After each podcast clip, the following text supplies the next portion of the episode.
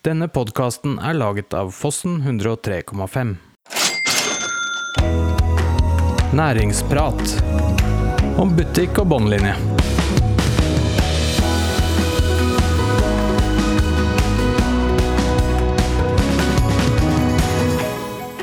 Er vi i gang igjen med en ny episode, Annikat. Du, her sitter vi, Christian. Det er alltid trivelig å møte deg. Og i dag har vi en spennende gjest. Ja, i dag får vi besøk av eh, Sigrid, som jobber i Norconsult. Og i dag så skal vi også da få vite hva faktisk Norconsult driver med. Ja, og vi er jo utrolig fornøyde med at det er veldig mange der ute som eh, hører på oss og ser på oss. Så vi setter pris på at dere liker og deler.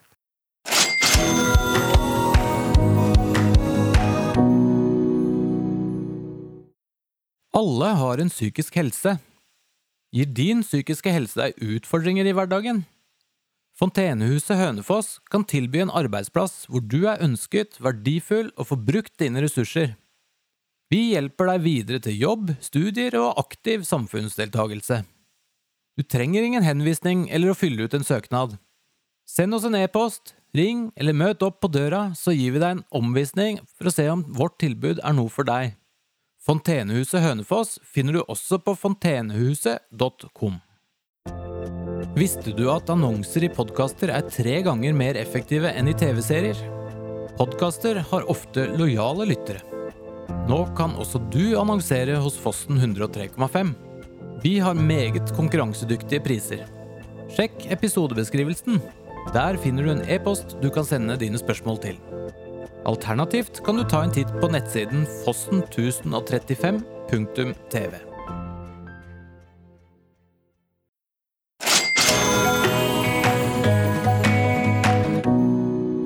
I dag har vi gleden av å ha med oss Sigrid Rose Plassen, som for tiden jobber som arealplanlegger hos Norconsult, et av Norges ledende konsulentfirmaer. Med hennes erfaring fra Jevnaker kommune og hennes akademiske reise ved Universitetet i Ås, vil denne episoden bringe deg ett stort blikk nærmere konsulentfirmaet Norconsult. Så bli med oss når vi nå dykker inn i Norconsult sin verden. Hjertelig velkommen, Sigrid. Tusen takk. Du, Anne-Kat. og jeg har jo leita litt på hjemmesiden til eh, Norconsult. Og der er slagordet deres 'Hver dag forbedrer vi hverdagen'. Hva legger dere i det? Ja, det er eh, på en måte en oppgradering fra den forrige slagordet, som var at eh, det er vi som løser de vanskeligste problemene. Og det er jo litt sånn at hvis man hver dag kan gjøre noen små skritt som gjør at hverdagen blir litt bedre, så bidrar jo det til å løse de vanskeligste problemene. For det er veldig ofte så er det små ting som kan gjøre at hverdagen din blir litt enklere. Og så er det selvfølgelig veldig mye som har skjedd med teknologi osv. som gjør at vi kan hele tiden gjøre sånne små tweaks. Eksempel det å ha digitale leveranser, da. Det bidrar jo til å gjøre ting enklere. At du slipper å holde på med papirutskrifter og hvilken utgave var det som var riktig. I enkelte tilfeller må man fortsatt gjøre det. På byggeplass er det ofte lettere med papir enn med skjerm. Men i mange tilfeller så går det med skjerm på byggeplass også. Og kommunikasjon med kundene, da, som, som kan gjøres på prosjekthoteller på nett, og man kan dele filer, og man kan jobbe, liksom samhandle i mye større grad, da. Og så er det jo selvfølgelig da de konkrete løsningene som vi kommer med og prøver å liksom hjelpe kundene våre da, til å eh, oppnå de målene de har, og kanskje også mål som de ikke visste at de hadde. Og du er inne på noe der, det er jo kundene deres. Jobber dere i hele Ringeriksregionen? Ja, det er jo Vi er jo et uh, nasjonalt og internasjonalt uh, firma, så vi jobber jo Ute i den store verden. I den store verden. Yes. Vi har jo 130 kontorer. Mer enn det, faktisk. Uh, de aller fleste av de er i Norge og Sverige, men vi har liksom ganske god bredde, da.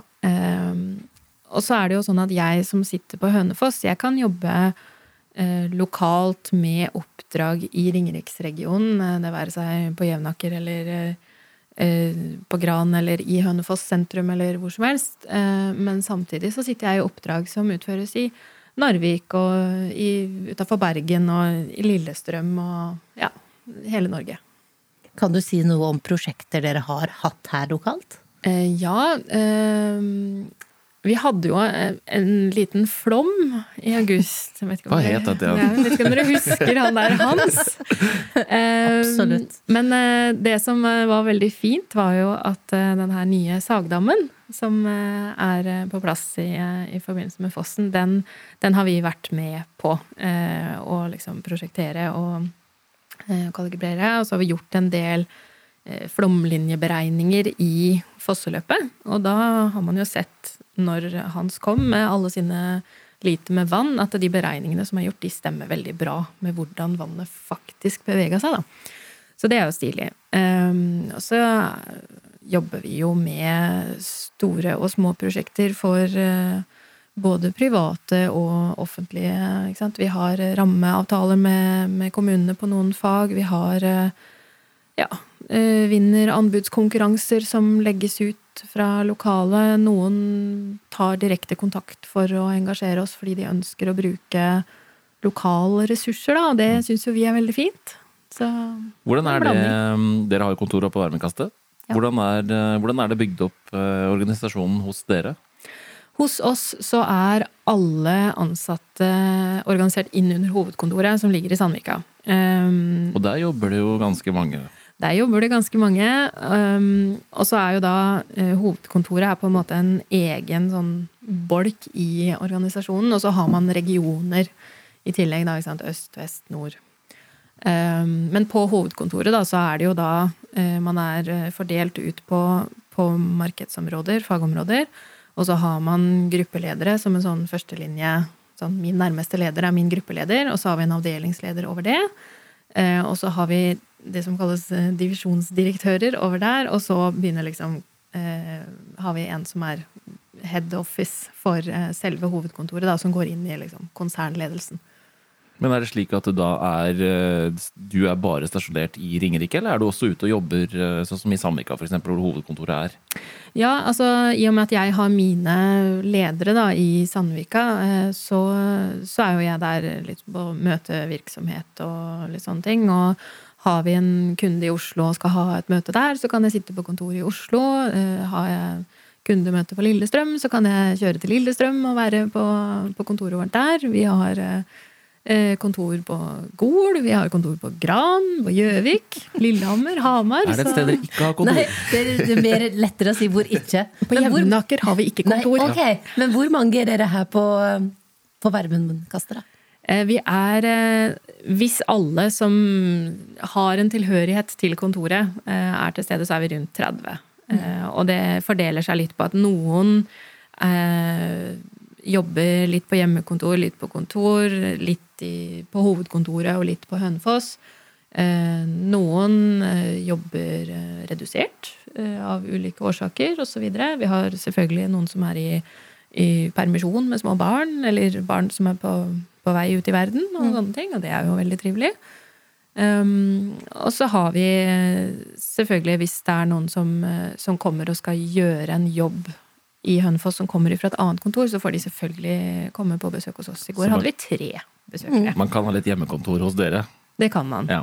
Ja, men eh, Det jeg syns er spennende da, med Norconsult, er jo at jeg har sett logoen deres mange ganger. Ja. Og jeg har sett navnet deres ganske mange steder. Men det er jo en litt sånn nesten hemmelighet hva dere gjør, og dere gjør jo mye. Kan du ta oss litt nærmere på en måte arbeidsoppgaven som finnes hos Nordkonsult? Norconsult? Ja, jeg sier jo litt sånn fleipete at vi er et av de største firmaene i Norge som ingen egentlig veit hva driver med.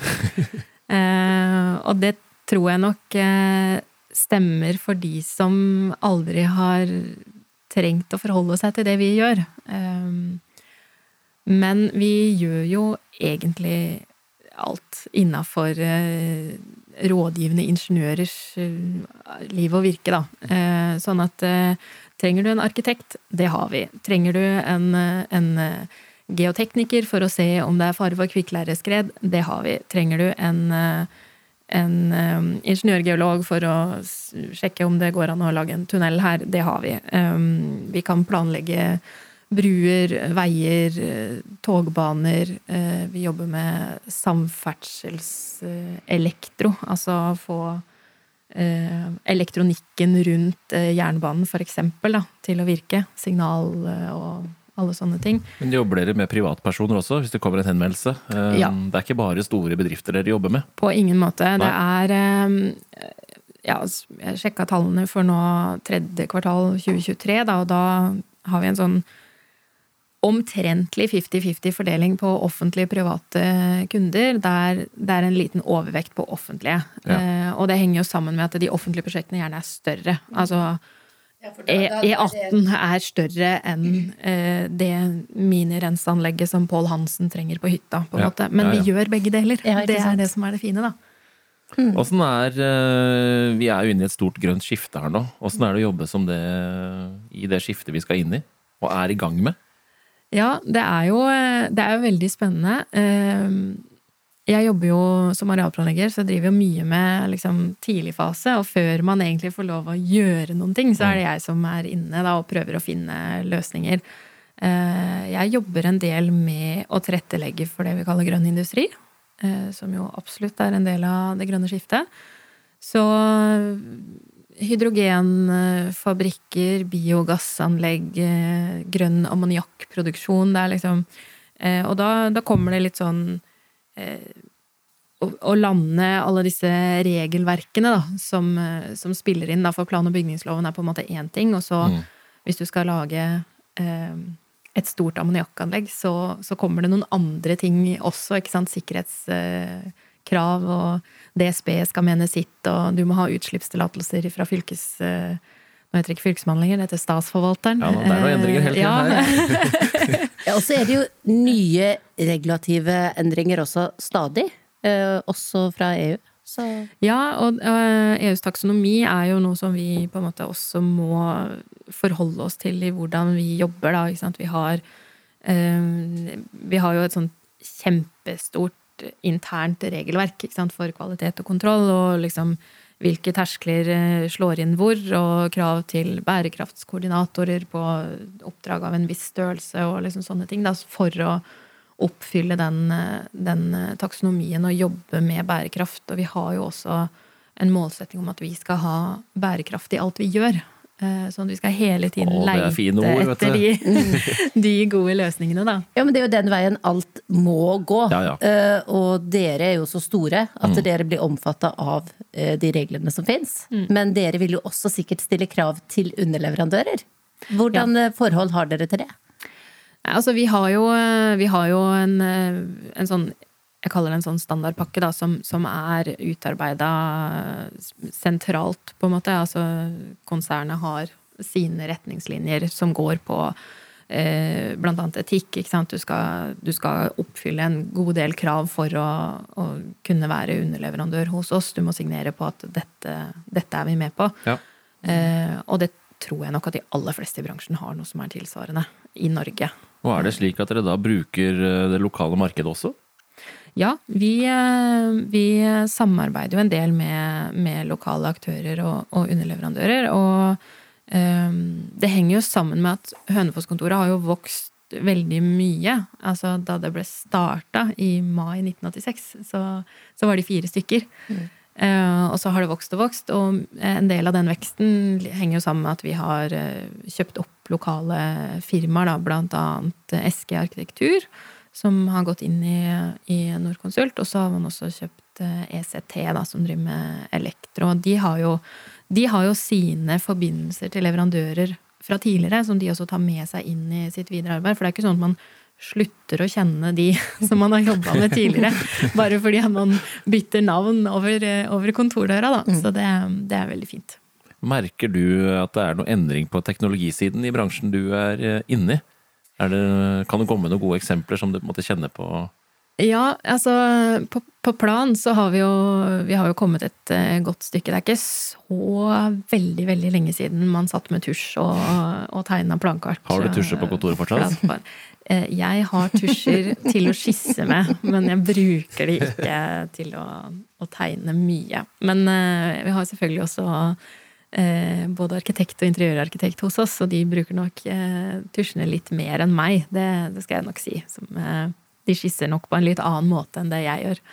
Jeg har mer sånn ok, men hvis veien går her, så må eh, da må vi ha parkeringsplassen der borte, eller ja, det er, det er litt mer sånne ting, mens de er mer på, på design og uttrykk, da. Design, uttrykk og detaljer. Ja, så eh, Men det er jo, ikke sant, nå har vi hørt om eh, eh, heldigitale leveranser på reguleringsplaner. Ja, vi er digitale nå, men vi jobber fortsatt med PDF-filer. Eh, og det er jo snakk om at man skal over på 3D-regulering. Eh, altså at man bare får en boks, og så kan man putte prosjektet sitt inni der og se mm, passer eller passer ikke. Og så Er vi inne på kunstig intelligens her, eller? Er det, hvordan er det i eh, bransjen din? Ja, altså vi må jo forholde oss til det. Så vi har jo litt sånn eh, utprøving og prøveprosjekter. Eh, For eksempel transkribering av møte er jo noe som går an å, å bruke. Eller sammendrag fra rapporter. Men eh, alt må tas med en klype salt, for det er jo noe med hvor mye input som ligger inn i den kunstige intelligensen som ikke nødvendigvis er eh, Det er ikke alt som er like bra, Nei. så den må på en måte få lov å lære seg å bli bedre. Og så ligger det jo selvfølgelig en etisk vurdering i hva slags type informasjon du fòrer inn i det. ikke sant? Du Mm. kan ikke legge eh, taushetsbelagte ting inn i et system som du ikke vet eh, hva gjør med det. Altså hvor blir det av? Kanskje det spres igjen, liksom. Det, Ja. det går ikke opp i en eller annen sky, dette. Det går eh, til et uh, ukjent sted, ja. Ja, det er, det er det, og jeg er nok ikke den som er best på liksom hvordan vi kan bruke AI, eller KI, da, i, i min jobb, men jeg har brukt det noen ganger for å liksom teste. Og så er det jo Jeg er jo prisgitt med at det aller, aller meste av det jeg driver med, det er offentlig tilgjengelig informasjon, for det skal ut til folk, og det skal være åpent og offentlig og tilgjengelig fordi at man skal ha den gode demokratiske prosessen, og da er det kanskje litt mindre skummelt da å liksom sjekke om ok, men kan kunstig intelligens hjelpe meg med dette sammendraget, og så kan jeg se ja, det er jo et utgangspunkt, og så kan vi jobbe videre Må du jobbe det. videre med det sjøl. Ja. Men du har jo valgt å bli Du har gått den veien du har gått, da, tatt den utdannelsen du har gjort, og jobber nå her lokalt, som du, der du kommer fra. Uh, mange sitter jo også og hører på, som nå liksom skal ta sin reise, da. Eh, hva vil du si er det beste med å ha den type jobb som du har? Ja, jeg er jo utdanna landskapsarkitekt, og det er jo ikke det jeg jobber med. Men det ligger liksom ved siden av, og så var det Det utdanningsløpet ligger ganske tett opp mot det som kalles by- og regionplanlegging, da, som er nærmere det jeg faktisk jobber med. Eh, sånn at eh, jeg fikk på en måte en sånn start inn på landskapsarkitekturen, og så tenkte jeg ja, dette var jo litt ålreit å drive med. Og så kommer det til et punkt der du liksom kan velge mellom å fokusere veldig på sånn hvordan skal denne parkbenken se ut, og hvor stor avstand skal disse blomstene ha, og sånn. Og da kjente jeg at men det var ikke det jeg ville drive med. Jeg hadde mer lyst til å drive med det som de eh, på naborommet satt og holdt på med, med liksom hvordan skal samfunnet se ut i framtida. Eh, og da kunne jeg på en måte velge en fagsammensetning som gjorde at jeg får en del av det grunnlaget. Eh, hvert fall nok til at jeg ikke er ukvalifisert til å liksom begynne å jobbe i en kommune, da, som var det jeg gjorde. Eh, og så tok jeg en del sånn fag i tillegg, så jeg hadde noen, eh, hadde noen heftige semestre med litt, eh, litt flere fag enn det som egentlig var eh, anbefalt. Men jeg følte at jeg fikk veldig mye ut av det. Um, og så har jeg jo faktisk bruk for de prinsippene som jeg lærte på landskapsarkitekturen også, fordi at planfaget er så bredt. Altså det å, å skjønne f.eks. hvordan oppfører vann seg i et terreng når du ser terrenget på kart. Altså, vannet renner vinkelrett på kvotene, da er liksom det, det, Og det ser fryktelig rart ut når du skal tegne en grøft, at du får noen sånne rare vinkler på det. Men det å kunne forstå det når jeg skal sitte og se på en løsning for eksempel for et boligfelt, eh, det har gitt meg veldig mye, da, sånn at jeg har det i grunnen. At vi, da jeg jobba i kommunen, kunne være med ut i felt, hjem til eh, den innbyggeren som hadde en utfordring med plassering av eh, garasje eller hva det var. Og så kunne vi se litt på hvordan ser terrenget ut her, og hva må man tenke på for at ikke du skal få garasjen full av vann, eller at du skal Mm. få noen andre problemer, da. ja. Du er jo eh, Det er lov å si at du jobber litt med norsk plan- og bygningslov, er det ikke det? Det er lov å si at det er hovedverktøyet i min arbeidshverdag, ja. Så i din framtidige år eh, arealplanlegging, da, eh, hvis du kunne endre en ting i den, hva, hva ville du gjort? Og det er vanskelig, for det er en eh, Det er en lov som er pusla sammen av over 100 sånne særlover. Så den er veldig vanskelig. Det er selvfølgelig utfordringer i å jobbe med den, men samtidig så syns jeg at den gir et veldig godt rammeverk, fordi at den sikrer liksom at eh, du skal ha en interesseavveining. Ikke sant? Hva er viktigst? Er det, eh, er det den eh, naturtypeforekomsten som ligger her, eller er det å få gjennomført det tiltaket som, som ligger? Ikke sant? Du skal ta den avveiningen. Du skal høre naboer og berørte. Eh, og så forholder jo jeg meg i hovedsak til plandelen, og den er ikke fullt så kronglete som byggesaksdelen, da, som jeg tror kanskje jeg har noen kollegaer som kunne kommet med noen gode forslag der. Dere har jo en del sårbare naturområder som dere også jobber eh, med. Eh, Hvordan tar dere hensyn til eh, dette? Ja, i eh, en planprosess da, så, så er det jo litt sånn du skal vurdere det tiltaket du skal gjøre. Er det Du skal bestandig eh, ta en vurdering av om det tiltaket du skal planlegge for, er det som kalles konsekvensutredningspliktig. Eh, Og da er det en sånn sjekkliste i eh, konsekvensutredningsforskriften som er sånn Hvis dette, så og sånn og sånn. Ikke sant? Ulike krav. Mm. Eh, Og hvis man kommer fram til at det er krav om konsekvensutredning, da, som det i veldig mange tilfeller er, så for naturtyper da, så er det krav om at det skal gjøres en, en kartlegging i henhold til anerkjent metode, som per nå er det som heter Miljødirektoratets veileder M1941. Mm. Fancy tittel. Veldig fancy tittel. eh, Men der er det krav om at man skal ut og kartlegge, og det skal registreres på en viss måte, og man har liksom egne regler for hvordan eh, ting skal verdisettes og, og liksom bestemme. Og så er det jo selvfølgelig en faglig vurdering som ligger i det. Men der har vi heldigvis eh, masse dyktige folk som eh, De er ute hele våren og sommeren og halve høsten og ligger langflate i myrer og marker for Ja, ja. å Men dette er noe som engasjerer mange, men opplever det på en måte mye motstand. det er litt sånn I noen tilfeller så blir det et spørsmål om, om vurdering. Ikke sant? Hva kan man bevare, og hva må gå? Ja. Eh, og så er det nok vanskeligere i forbindelse med naturmangfold enn i mange tilfeller kulturminner. Fordi at kulturminner Tidligere så var det veldig sånn strengt og niks er ikke snakk om. Her er det et kulturminne, ligg unna. Og så etter hvert som man har liksom undersøkt mer og mer, fordi undersøkelsesplikten kom på plass, så det ble liksom nå, nå må alle steder må støvsuges for kulturminner, eh, så har det blitt sånn at ok, kokegroper i Østfold, det er litt sånn 13 på dusinet. Vi har registrert de, vi har liksom sett på de funnene. Kanskje vi skal legge veien litt annerledes i forhold til hvis det er noe ekstraordinært med noe, men det er ikke sånn at man må beholde alle de kokegropene som ligger eh, i den delen av Norge der det helt åpenbart har vært masse bosetninger fordi at det var veldig god matjord og, og veldig lett å bo der. Mm. Kan man også på, på alt denne arbeidet bruke teknologien mer enn tidligere? Absolutt. I kartlegging altså, og- de, de, uh, iPad ute i felt. Uh, registrering direkte i kart med GPS-koordinater. eh, Mm. Det er jo mye lettere nå enn tidligere, da det var liksom Det var kart Mm. og, og håndskrevne notater. Uh, og så ser man jo også hvis man blar i Naturbas og går tilbake til sånn litt tidlige registreringer, så er det veldig mange registreringer i nærheten av områder der eh, naturforvaltere og lignende har hyttene sine.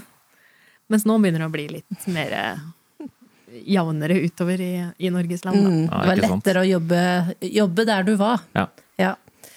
Ja. Altså, jeg ser jo bare at hver gang vi har besøk av en gjest, så går klokka utrolig fort. Ja, ja, Og det er jo så mye interessant å prate om. Så vi innser jo at vi må ha besøk av de samme gjestene eh, Sigrid flere ganger. tilbake. Ja, det er veldig hyggelig. Ja, er Vi har, jo, vi har jo alltid litt sånn faste spørsmål som vi bruker å spørre de som kommer, eh, kommer på besøk. Det er litt sånn for å også bli kjent med menneskene bak alle disse jobbene i regionen. Og da tenker vi litt sånn, hvem er det du ser opp til eller blir inspirert av i lokalsamfunnet? Jeg syns det er veldig gøy med folk som eh, finner sin nisje og liksom går for det. Dette skal jeg få til. Mm. Eh, og det kan være veldig sånn eh, Alt ifra den som er eh, kjempegod på eh, å bake en spesiell type kake. ikke sant? Altså, dette skal jeg få til, dette skal bli skikkelig bra. Eh, og til de som liksom kanskje gutser og satser litt eh, små bedrifter og liksom eh, sånne ting. Da. Men også det som kanskje er enda viktigere, er at man har den derre eh, At det man gjør, er ikke bare fordi man har lyst til det sjøl, men fordi at man oppriktig tror at det er til bedre for lokalsamfunnet. Da. Og, og det kan også være liksom, politisk engasjement, det kan være ja, arbeid med frivillige organisasjoner, altså alle sånne ting. Du Da. inspireres av mye. Jeg gjør det, og så det. syns jeg det er, det er Jeg vil ikke velge én person, Nei. fordi det blir eh, Da føler jeg at jeg ikke velger noen andre. Men da blir det gøy å høre hva du er redd for. For da kan du snakke om deg selv. Ja, det blir litt sånn eh, klisjé, kanskje, eller jeg vet ikke. Jeg er oppriktig bekymra for hva barn og unge møter på sosiale medier. Mm. Uh, og det syns jeg er skikkelig skummelt, fordi jeg Kjenner har du på det selv? eh, Jeg har små gutter, Mm. Um, og de er ikke på sosiale medier ennå. De er, eldste er fem. Um, men når jeg liksom leser historier og ser sant, politiet gjør razzia og tar alle disse forferdelige menneskene som, som utnytter barn og unge på sosiale medier, Uh, men også hvordan barn og unge til en viss grad oppfører seg mot hverandre, med utestengelse og mobbing og, Mm. og alle sånne ting. Og det, jeg syns det er kjempevanskelig, og jeg, jeg gruer meg litt til, eh, til vi skal inn i liksom den fasen av, av familielivet, da. Eh, Så jeg er litt eh, Jeg er litt opptatt av at vi gjør oppvekstvilkårene for barn og unge såpass trygge og, og såpass eh, stødige at vi kanskje kan være med på å motvirke den der, da. Jeg, jeg syns det er veldig viktig at jeg kjenner eh, eller vet hvem foreldrene til de andre barna er, ikke sant? At man, man sier hei når man møter i barnehagen og henter og leverer, men også på butikken, sånn at barna også ser at å ja, men foreldrene våre kjenner hverandre. Fordi at det er eh, Det kan være med på å forebygge liksom, den der usikkerheten, for at hvis det da kommer en eller annen setting i framtida, da, men den sa det, og den gjorde det, ok, men da kan jeg ringe til foreldrene. Litt kortere vei til, eh, Ja, og til så kan vi, løsninger. og så kan vi Da Ja. Mm. sjekker vi det, ikke sant? Og så veldig ofte så er det jo skyld fordeles. Ja. Eh, Jeg håper at det er Ja. mange som både ser, men også lytter etter, for dette er gode råd, folkens. Ja, jeg syns det, er- syns det er vanskelig, og, men eh, jeg tror det kan forebygges, i hvert fall i det fysiske liv, da, og så får Ja. vi være litt sånn på alerten på sosiale medier. Det kan jo hende at det blir noe andre regler og sånn å forholde seg til Jeg ser. Jonas spiller inn et godt tips her. It takes a village to raise a child. Ja, Vi lener oss på den. ja. Og når du er inne på sosiale medier, hva er ditt forhold til sosiale medier? Bruker du det mye sjøl? Eh, jeg har det jo. Eh, Du er god på LinkedIn, da. Eh, ja, er jeg egentlig Ja, det? det er du knyttet til veldig mange andre som, som er i regionen her. Det Ja, er du. Ok. Jeg prøver, men eh, jeg har liksom eh, det, det er ikke øverst på prioriteringslista da, med sosiale medier. Eh, og så prøver jeg også å være litt sånn forsiktig i forhold til å dele sant, bilder av barn osv. Eh, eh, tar, en- tar en vurdering på det. Men så syns jeg jo, som alle andre, da, det er veldig sånn Oi, nå kan jeg scrolle på Instagram i ti minutter. Og så, så finner man noe gøy da. Og der finner man jo ofte sånne eh, stå-på-personer og liksom ting å følge som, som er gøy, da. Og så er jo jeg eh, egentlig 92 år gammel inni sjelen min, så jeg liker jo å sitte hjemme foran peisen med en kopp te og strikke. Det er det som er fint med den podkasten. Her blir vi kjent med folk. Man, man trenger kommer- ikke å være 92 for Nei, nei, å like det, altså. Nei Det, jeg- vet det. det liker jeg det. jo. Ja. Men uh, når du sitter da hjemme og koser deg med tekoppen og sånn, da, hvordan, uh, når du da kobler av, uh, eller hvordan kommer folk rett og slett i kontakt med deg når du da kobler av? Nei, altså hvis man Det enkleste er jo selvfølgelig å sende meg en e-post. Ja. Eh, For den ser jeg jo på hver eneste dag. Der har du på varsel, eller? Jeg har bare på varsel. Ikke på jobbmailen nødvendigvis på kveldstid, men, eh, men eh, Nei da. Jeg ser jo meldinger på, på Instagram og Facebook også. Eh, jeg er ikke på TikTok, for det er ikke, jeg er ikke fan av TikTok. Nei. Men jeg er ikke Jeg er nok ikke så ofte avkobla sosiale medier. Det unntaket er når jeg er i Lofoten på besøk hos mine besteforeldre, for der har ikke jeg dekning. Nei, nei, nei. Men da veit send nå henne en e-post, da, så skal hun svare. Ja, og så er du tydeligvis på eh, LinkedIn, så der også kan jo Ja, folk ja, ja. følge deg. Ja da. Takk, Sigrid, for at du tok turen hit til eh, Næringsprat. Tusen takk for at jeg fikk komme. Det har vært eh, veldig hyggelig å være her. Ja, så bra, og vi håper jo at du vil komme tilbake ved en annen anledning. Vi ønsker jo et dypdykk inn i næringslivet i regionen, så takk skal du ha. Takk.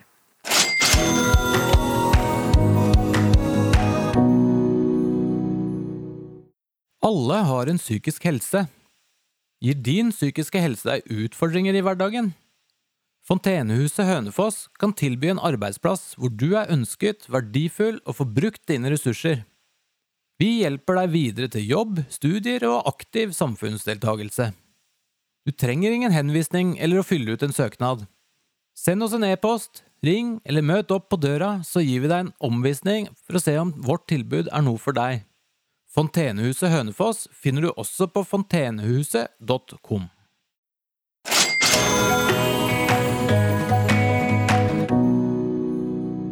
I neste episode av eh, Næringsprat så får vi besøk av Christian Senning Andersen, som er nå ny redaktør i Ringerikes Blad. Det gleder vi oss veldig til, og vi håper du blir med og lytter på oss.